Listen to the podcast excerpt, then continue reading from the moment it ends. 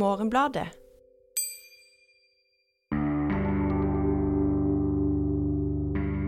Du er på en ferge med noen folk, og så går de i land, og så treffer de noen som skal vise dem hvor de skal bo. Og så, og så er det forferdelig udramatisk, men det er òg eh, mye, mye drama.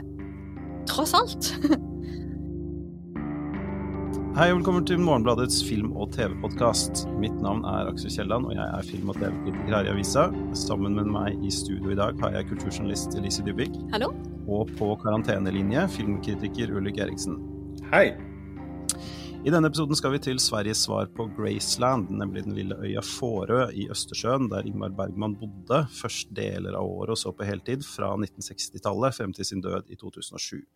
Bergman spilte inn fire spillefilmer, to dokumentarer og deler av én TV-serie på Fårö, og i dag huser øya Bergmansenteret, som arrangerer den årlige festivalen Bergmanvekkan, og leier, låner ut de gamle eiendommene hans som skrivestuer. Um, Anledningen til at vi snakker om forrige i dag, er uh, Mia Hansen Løves kinoaktuelle spillefilm 'Bergman Island'. Uh, Ulrik, kan du fortelle oss hva slags film dette er?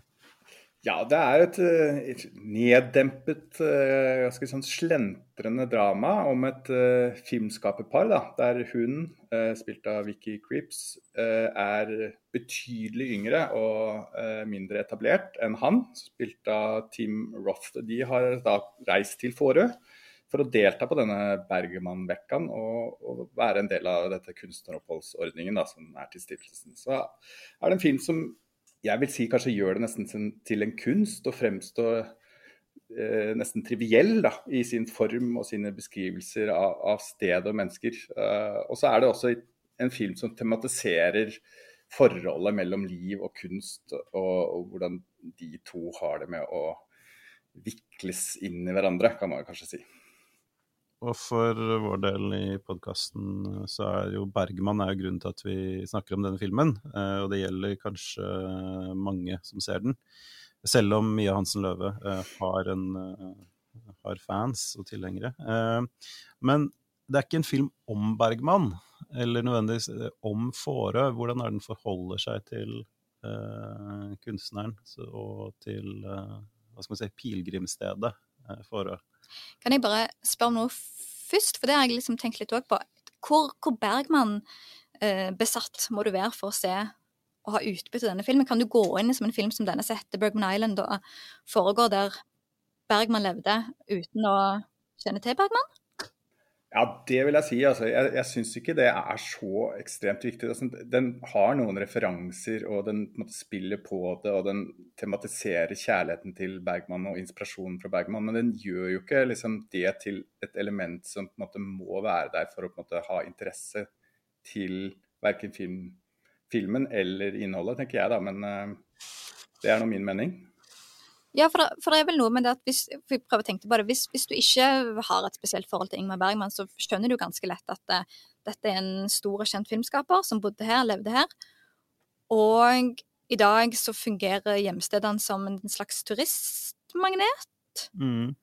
Og så er det jo da hva filmen gjør med um, de litt ulike opplevelsene disse to hovedpersonene har av å bo på Bergman sin eiendom og prøve å lage film på der Bergman lagde film og tenkte på film.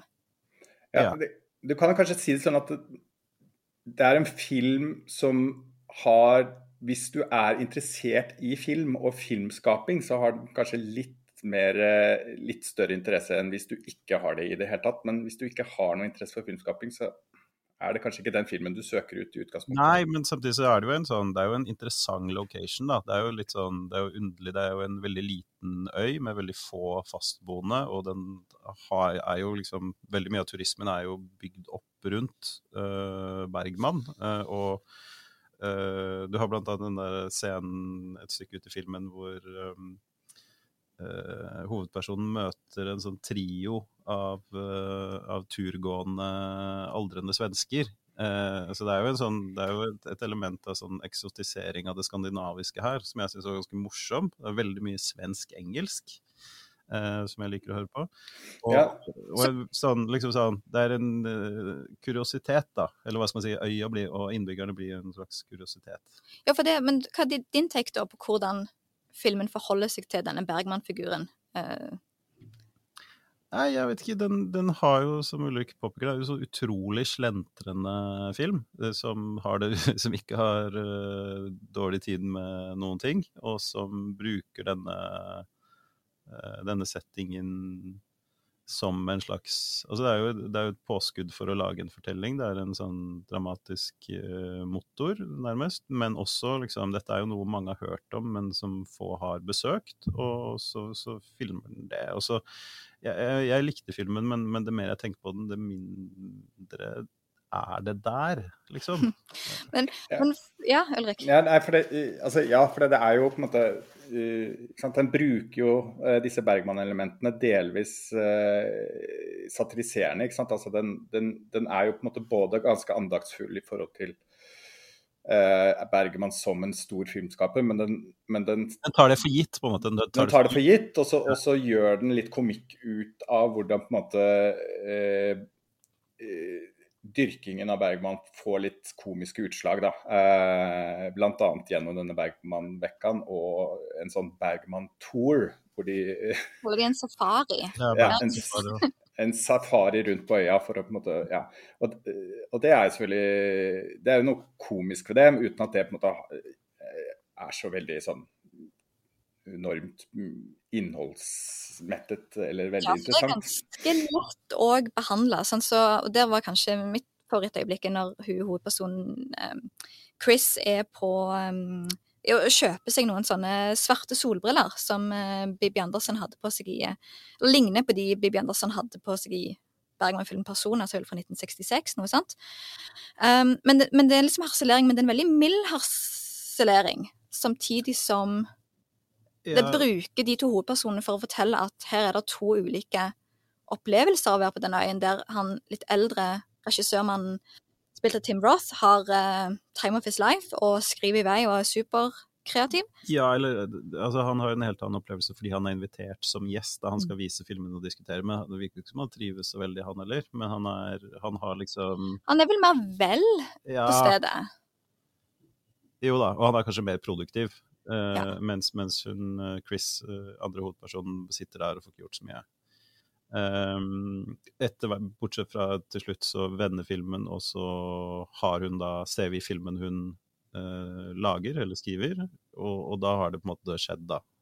Som jeg syns er en ganske god skildring av kreativt arbeid. Man sitter og så skjer det ingenting, og så plutselig så er det der. Og så, og så får en vel seeren for servert det som da um, overtar som hennes film, ved at hun forteller til mannen sin den historien hun sitter og jobber på, eller det hun har så langt. Er det ikke mm. noe sånt? Sånn at du får Og til og med den filmen hun lager, er satt til fore og da et bryllup.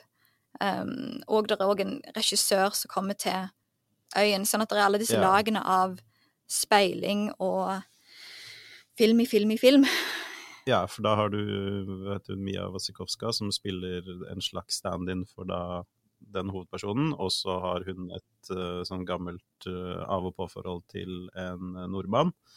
Uh, spilte Anders Dahlisen Lie, og så ser du da hvordan de møtes etter x antall år i et bryllup, og så finner de fram til hverandre igjen, og så blir de noe likevel, og så slags kjærlighetsdrama?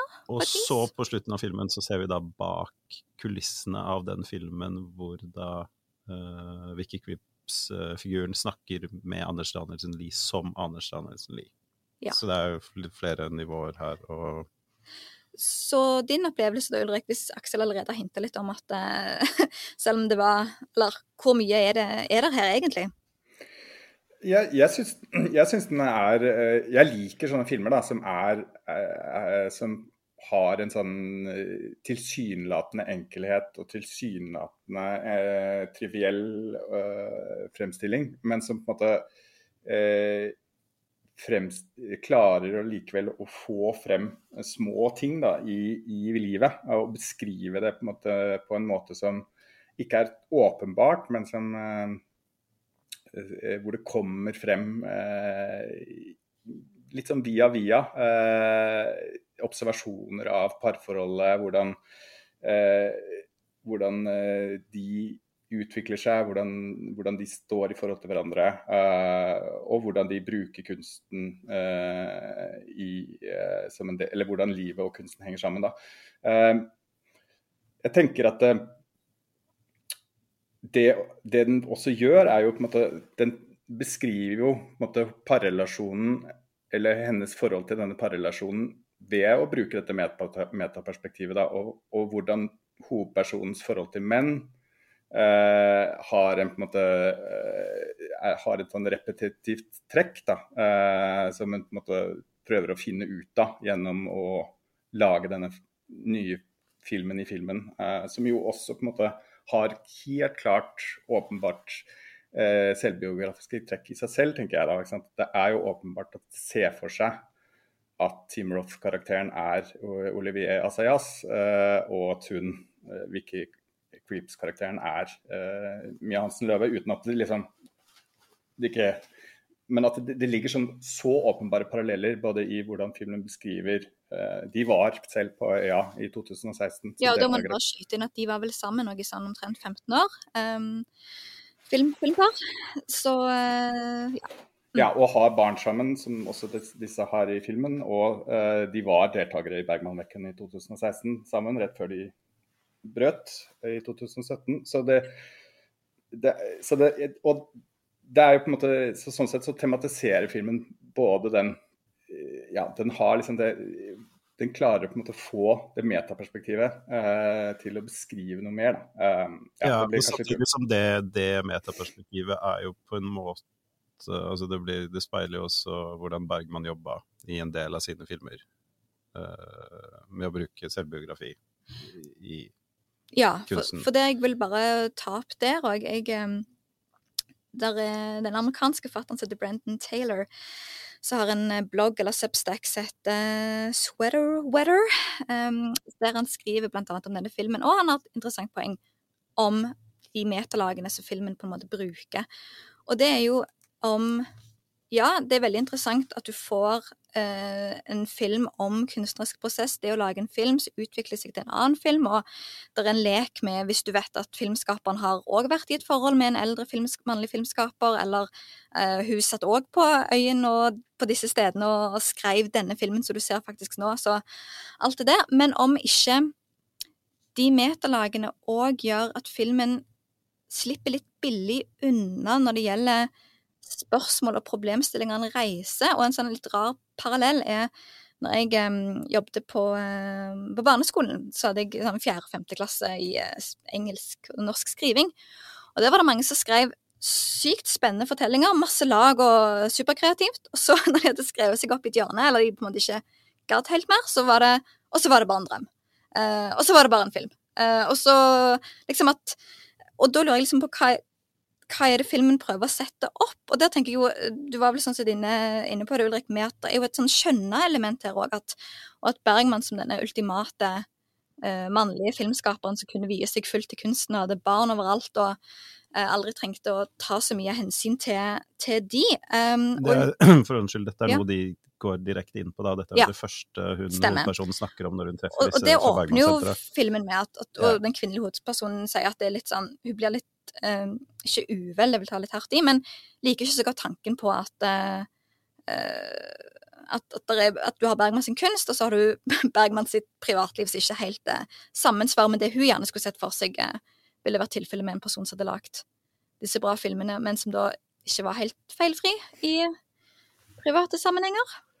Ja, nei, altså jeg tenker at det, det, det metaperspektivet eh, Jeg føler ikke at det er en sånn 'det var bare en drøm'-vri. Eh, jeg føler at det er mye mer en, liksom, en kulminasjon av hennes erkjennelser av eh, sitt eget forhold eh, til Team Roth-karakteren. Og, og, at det, måte, hele det metaperspektivet, hvordan hun har kommet frem til den historien, og hvorfor den nye, den filmen i filmen-historien er viktig for henne der og da sier noe om eh, både hennes forhold til menn generelt, men også hennes forhold til denne eldre filmskaperen spesielt. Og, så der føler jeg på en måte at filmen på en måte får en At det går i hop eh, helt, helt, til slutt. Eh, at det trenger den, det metanivået på en måte for å fortelle den kjærlighetshistorien på et vis.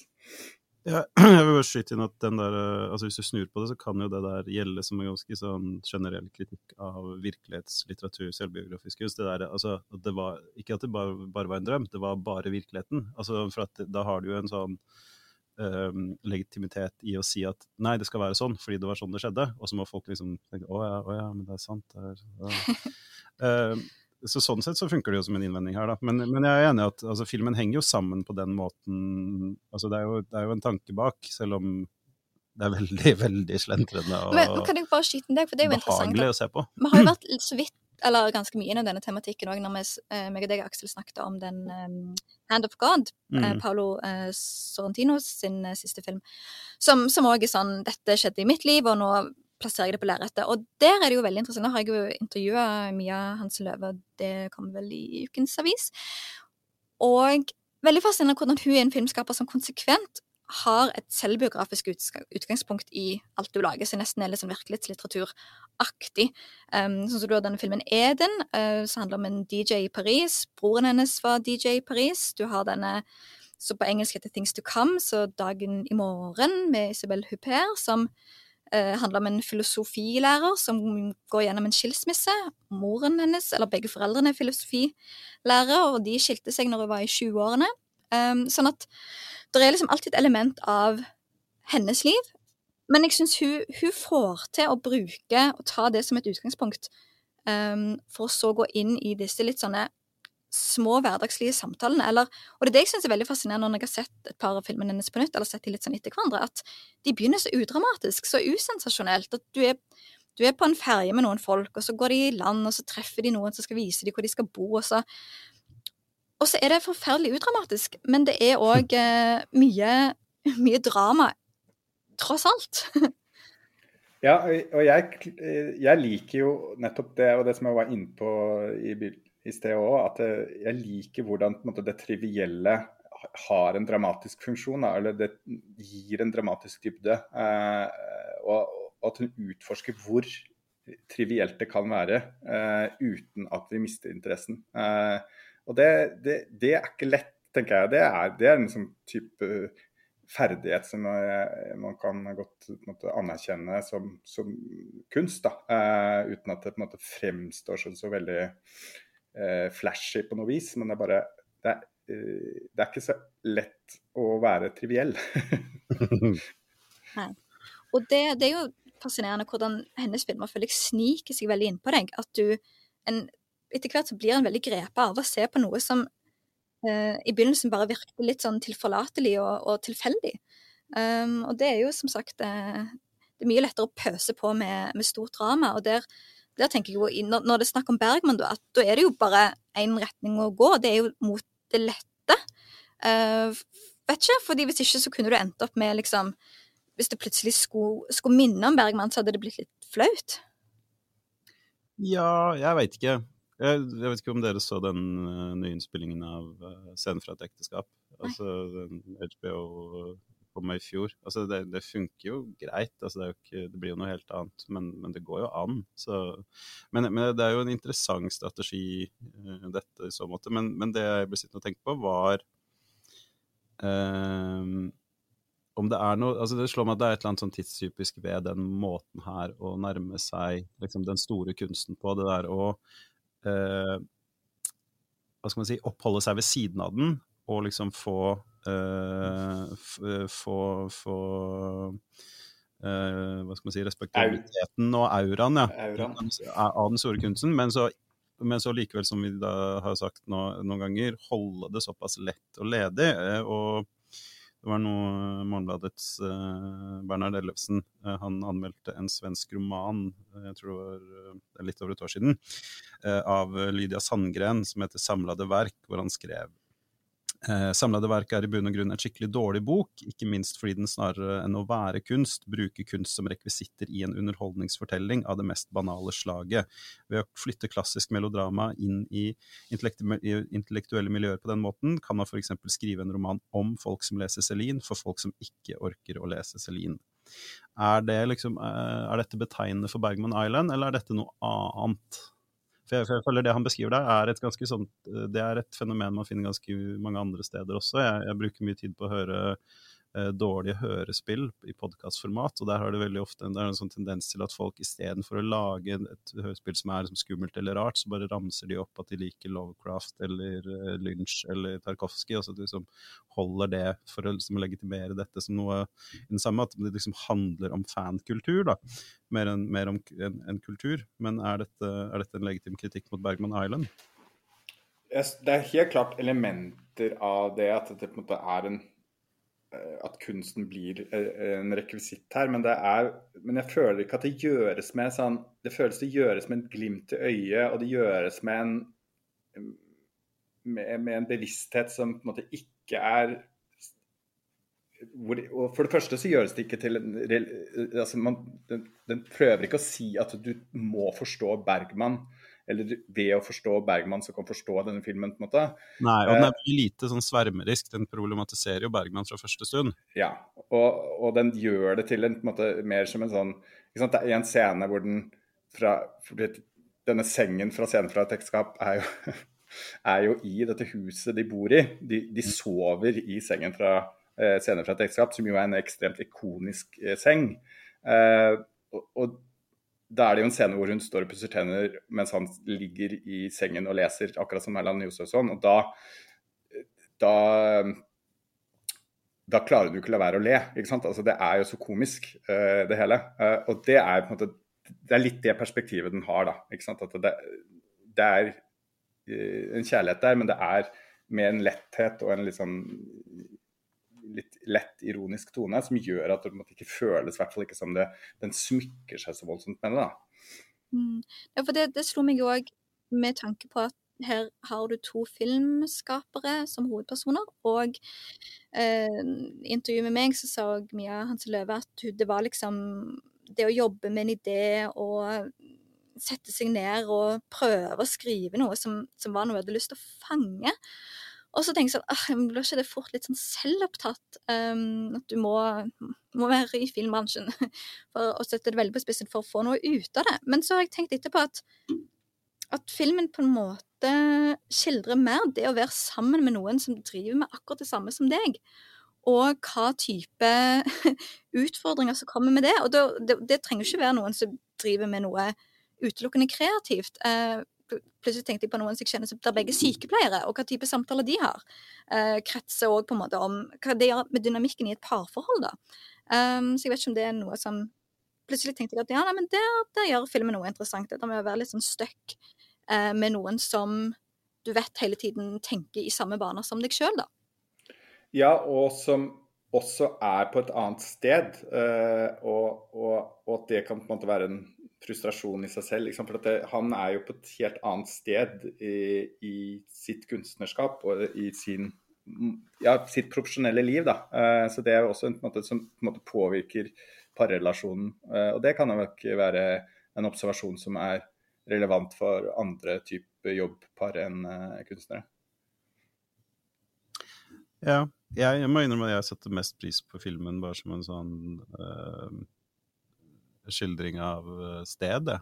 At, eh, at eh, jeg syns det var så morsomt å se alle disse svenskene og turistene. Ja, for, du, for du har vært der? Ja, men jeg tror jeg, jeg har vært der. Jeg har vært på, vært på det der Westernhuset-programmet. Men, men, men, jeg tror jeg hadde likt den enda bedre hvis jeg ikke hadde sett det. Altså, for det er jo sånn, det er jo et glimt inn i en fascinerende verden uh, som man ikke har tilgang på. Og, Uh, ja, men jeg, jeg skulle ønske de hadde, de hadde, gjort mer. Jeg skulle ønske de hadde filma huset hans. Altså det han faktisk bor i, det er der man ikke kan leie, men det som er et slags det blir bevart som museum. Vi ser de går rundt der, og de, de sitter litt i bibliotek, og de sitter litt i, i, i musikkrommet hans. Men, men, de gjør ganske lite ut av det, for det er et interessant hus, og han, hele huset er dekt av uh, altså tekst som Bergman har skrevet direkte på veggen. Og, og, man har da gått glipp av det jeg mener er nøkkelen til å forstå hele Bergmanns psykologi og, og, filmografi. Kunstnerskap er jo disse Han var så glad i umalt tre at uh, kjøleskapsdøra og uh, aircondition-enhetene der i huset er malt for å se ut som de er lagd av umalt tre. Og jeg syns enhver film fra denne, dette stedet som ikke har med det, den har ikke gjort jobben sin. Men bortsett fra det, så syns jeg det var en, det var en behagelig opplevelse. Um, som jeg på en måte Ja, den rakner litt for meg hvis jeg begynner å pirke i den, men uh, jeg vet ikke med dere. Ja, nei, nei, for der tenker jeg jo at um, Hva skal vi si? Nei, at jeg må Nei, at det er liksom Jeg har den samme følelsen av at uh, Men at en skal ikke liksom ta for lett heller på noe som faktisk får til å ta deg med bare på en, eh, et opphold, da. Mm. På, en, eh, på et bestemt sted. Ja, det, det er jeg helt enig i. Det derre å beskrive et sted så, så, eh, så, stemningsfullt uten å romantisere det, det, det er det er, det er, jo noe av det film gjør aller best. ikke sant? Det er å beskrive steder. Uh, Bare skyt inn det til slutt, for, der, for her jo hun, må jo forholde seg til den arven fra Bergman om at dette er Kanskje veldig få har vært på den øyen, men kanskje en del har sett øyen, men da filma av Bergman. Um, og hva det da gjør med hennes Om du da får en mer um, om det, om, Sitter en igjen med to ulike øyer, eller er det samme øy? Å ja, Hansen Løves uh, fåre versus ja. Bergmans fåre? Jeg syns jo dette er, dette er jo en post-Bergman-øy, da, på en måte. Altså det, det jo, nei, altså det er jo, han har jo satt sitt uh, preg på det, og han har jo blitt kanalisert der, og, det, og den er jo liksom, han har jo transformert uh, geografien, nærmest, eller psykogeografien. Uh, så ja, det er jo to forskjellige øyer. Jeg, jeg føler virkelig også det, at, det, at dette her er, er jo et ekstremt varmt og og uh, lite Det er ikke et hardt sted på samme måte som det kanskje fremstår i, i Bergmans versjon. Da. det er et mye myk, mykere sted, selv om det er steiner og sand og, og fjell, så er det også Ja, det er noe med fargetonene og Kan det være liksom romantiseringen av det skandinaviske det ja, det med at det, det, er veldig, det, er sommer, og det er Sverige, og det Du kunne solgt tremøbler med en del av disse bildene her. ja, kvelds, kveldslyset, de, de, lange nettene. Ja, helt mm. Jeg fikk skikkelig lyst til å dra til Forøy, da. Eh, jeg fikk lyst til å dra til Bergmanvekka nå, men det arrangementet blir vel helt kaotisk fullt eh, etter at denne reklam reklameplakaten har blitt sendt ut i verden. men ja, det, var, det, det lurer på, Er dette mer tilgjengelig enn Bergman? Altså sånn, hvis vi følger opp det der med at, at, dette er noe som gjør at du slipper å se en Bergman-film, men er, altså, er, er, dette mer folkelig enn Bergman? Jeg vil kanskje si nei, sånn, i hvert fall i Skandinavia i dag, men jeg vet ikke. Ja, eller hva, hva legger du i nei, på en måte? Altså, hva, altså er, det, er, terskelen uh, liksom, Hvis vi snakker om den mytiske folk flest, da. Ja. Er, er, det, er, terskelen for dem høyere å se, se denne, eller smultranstellet, eller liksom en Nei, for jeg tenkte, minner vel litt sånn i tonen av og til på den um, 'Sommernattens leende', eller når det er lenge siden mm. jeg har sett den. Men, men det av Bergman som faktisk er litt sånn lett og forhold og romantikk og ja, 'Sommeren med Monica', da. Men, uh... ja, men den føler jeg blir for dyp igjen, eller for, for sjelsgranskende til å kunne sammenlignes med denne. Ja, eh, det er jo en scene i, i, filmen som jeg nevnte også i forrige podkast, eh, hvor de er i den private kinoen til Bergman og skal velge ut en film som de skal se. Og da, og da står de jo litt sånn og lurer på ah, hva skal vi velge, liksom. Fordi det er jo en del Bergman-film som ikke er så veldig fristende å se. Altså, som er litt for tungt og litt for tøft og, og litt for uh, brutalt, på en måte emosjonelt. Så, så de er, og de vet ikke helt hvilket, hvilket humør de er i, uh, hvor de på en måte kan utsette seg selv for, for Bergman. Så du har jo det elementet med Bergman da, som, som, gjør det kanskje Bergman mindre tilgjengelig. På samme måte som, men på motsatt side så har jo Bergman en struktur og en form som på en måte er mer film tradisjonell i, i, mm. strukturen, som er mer på en måte tilgjengelig på den måten. Da. At det ligner mer på en, det vi kan kalle en klassisk film, mens denne filmen er mer løs og dermed også litt vanskeligere å, å, å holde på, på en måte. Uh, den har ikke en sånn, den klassiske treaktstrukturen som kanskje uh, flere Bergman-filmer opererer innenfor. da. Ja, jeg kan si at jeg, jeg ser gjerne Bergman Island igjen, men det er en del Bergman-filmer jeg etter jeg har sett den én gang, så tenker jeg det, det holdt. Um, men, men, det er jo et uh, interessant spørsmål om filmen kommer til å sende folk til Bergman. eller om uh, det holder å gå i museumsbutikken og kjøpe Persona-solbrillene. ja. Det er et fint prikk, prikk, prikk å avslutte på. Uh, ja, vi skal, vi skal, gå på anbefalinger. Ulrik, du har noe relatert?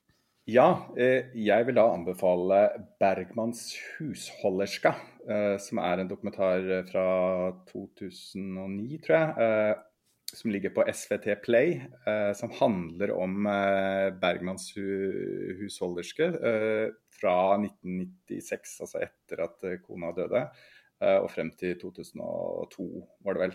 Og hun bor eh, deler av året da ute på Fårøy i nettopp denne boligen som er en del av Bergman Island.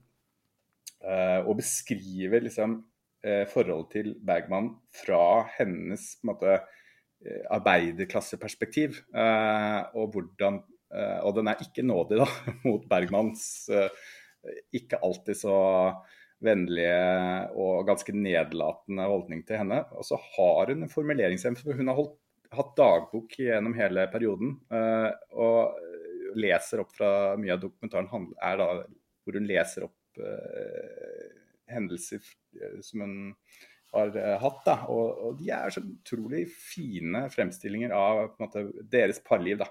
Og du får også da disse lappene som jo du henviste til, de kommandoene på veggene i huset hans. De har jo også ekvivalenter i lapper som hun da hele tiden får. Og hun har tatt vare på alle sammen. Uh, og det er uh, ganske nådeløst, uh, det hele. Den er tilgjengelig på SVT Play. Som jeg mener også har den gamle, gamle, dokumentarserien Bergmanns video, hvor folk sitter i, i videobiblioteket i huset og, og ser på og velger film. Lise? Yes, eh, nei, En kan jo daglig finne mange grunner til å ikke være på Facebook, så derfor så ble jeg ekstra begeistra når jeg fant en grunn til å være på Facebook, uh, uten at jeg håper at det sender, sender folk uh, inn på Facebook som ikke har vært der før. Um, fordi at uh, den amerikanske filmskaperen Paul Schrader, som sist var aktuell med The Card Counter.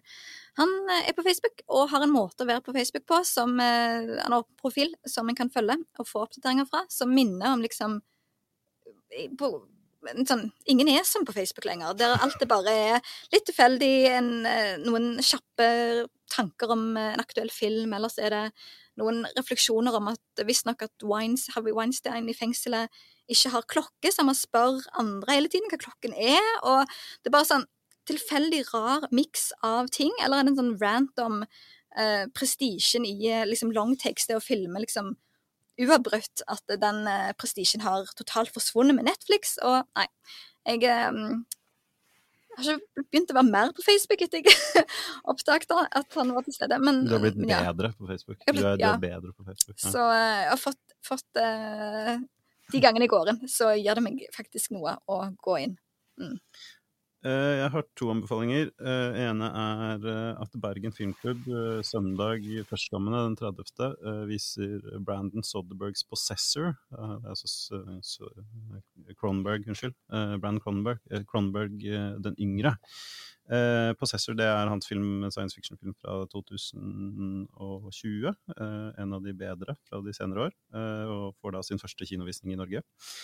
Eh, og så eh, er det litt i dette, denne kunst om kunstens ånd. Eh, for i morgen, i dette, dette spilles inn, altså dagen dette kommer ut, fredag den 28., så er det et slags hørespill eller dokumentar relatert til Mark Fishers bok 'The Weird and the Eerie', som er en veldig god film, bok om film og TV og musikk og alt så sammen. Eh, som, eh, som eh, går av stabelen på YouTube via Urbanomic, det britiske forlagets Robin Mackay. Jeg aner ikke helt hva det er, men det heter By the North Sea og sendes ut 21.30 norsk tid, og bør være interessant å få med seg. Det er det vi hadde for denne gangen. Eh, hvis du er interessert i å lese mer om film og TV, så kan du gå inn på Morgenbladets nettsider, hvor du også kan tegne abonnement på avisa i fysisk og digital utgave. Og så eh, kan du høre en ny podkast neste uke, hvor vi skal snakke om eh, Ja, det vet du ikke helt ennå, men vi skal snakke om noe. Takk for oss. OK. Bra. Da Klippes. Eh, ja ja, det må det. Men ehm,